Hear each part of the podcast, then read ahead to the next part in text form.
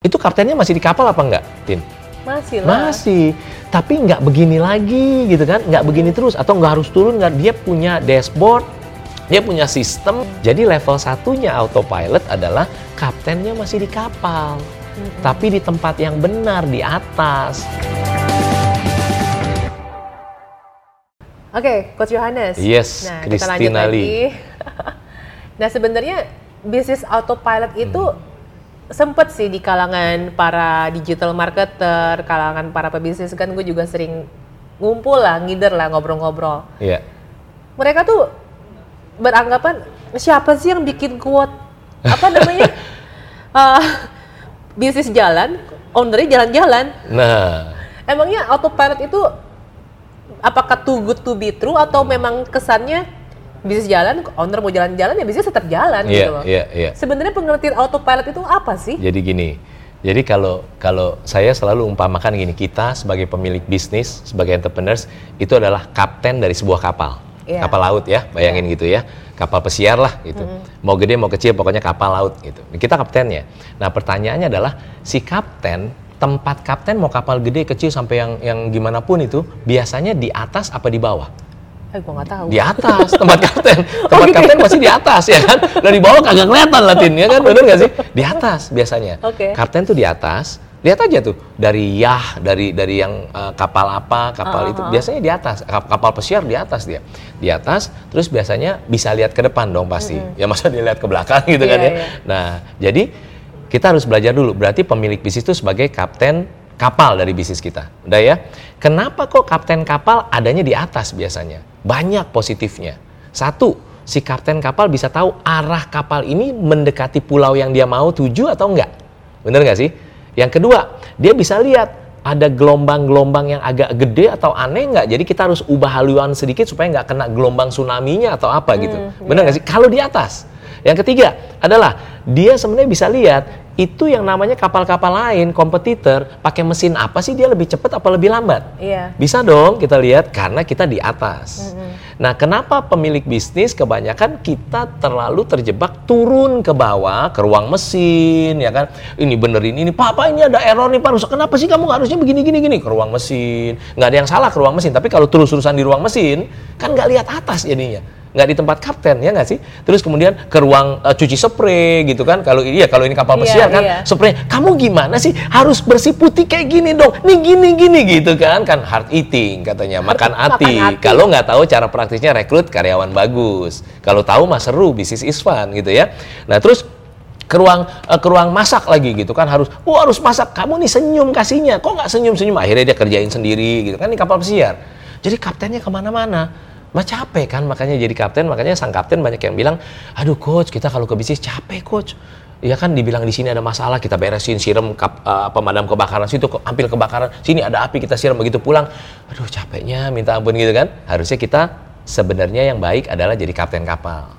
Nah sekarang balik ke pertanyaannya bagaimana mungkin kapten kapal bisnis bisa autopilot?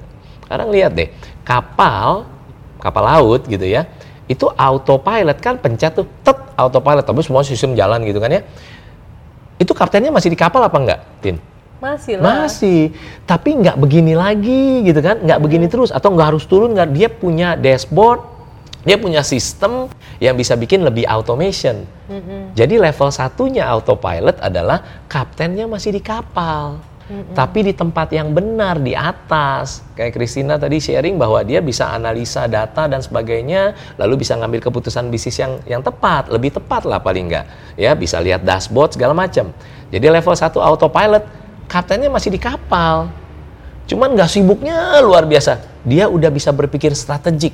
Oh, pulau yang dituju di situ ya. Sebentar, habis pulau itu harusnya ke pulau mana lagi ya? Itu Tin. Autopilot level 1 menurut saya. Ada yang level 2, Tin. Level 2 begini. Begitu itu kapal jalan sendiri, dia kan masih di dalam. Dia nggak perlu gini-gini lagi gitu kan ya. Itu kapten kapal ternyata dia punya tombol rahasia yang lain belum pernah lihat.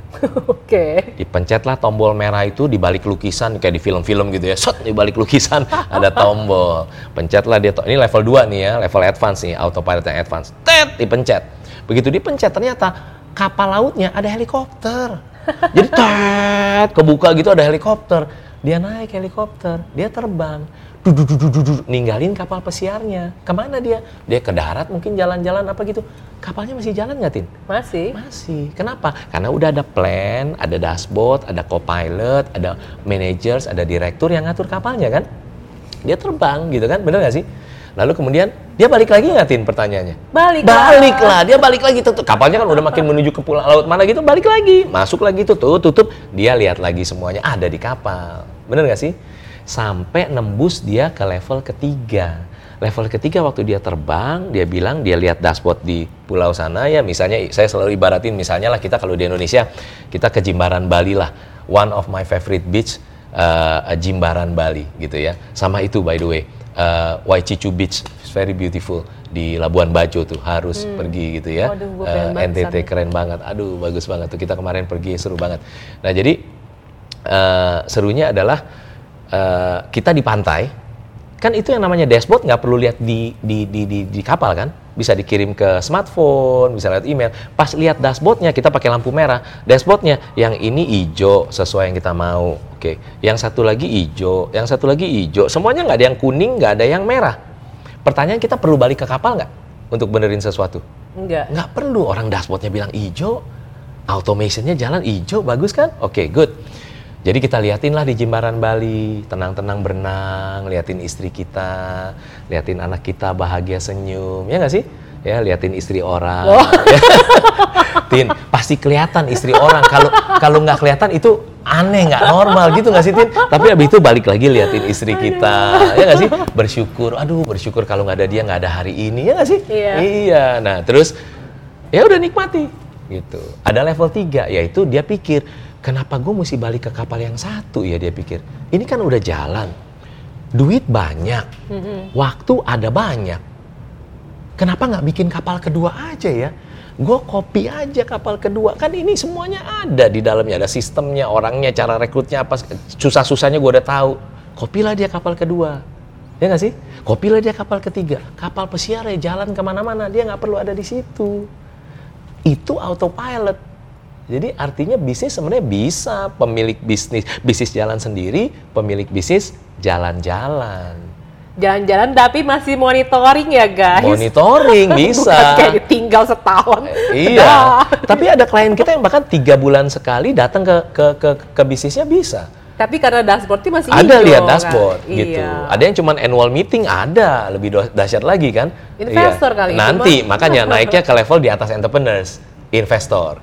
Investor itu kita punya mesin pencetak uang yang sudah jalan sendiri, kita tahu dalamnya, tapi kita bikin dashboardnya. Investor, kalau menurut saya adalah kita adalah kita nggak perlu tahu dalamnya kayak gimana itu kapal, tapi kita tahu cara bacanya, dia basically kasih kita uang. Itu simpelnya tuh. Tapi bisnis nggak cuma soal profitable ya, autopilot ya, tapi ingat bisnis kan juga harus berdampak buat banyak orang. Iya. Iya.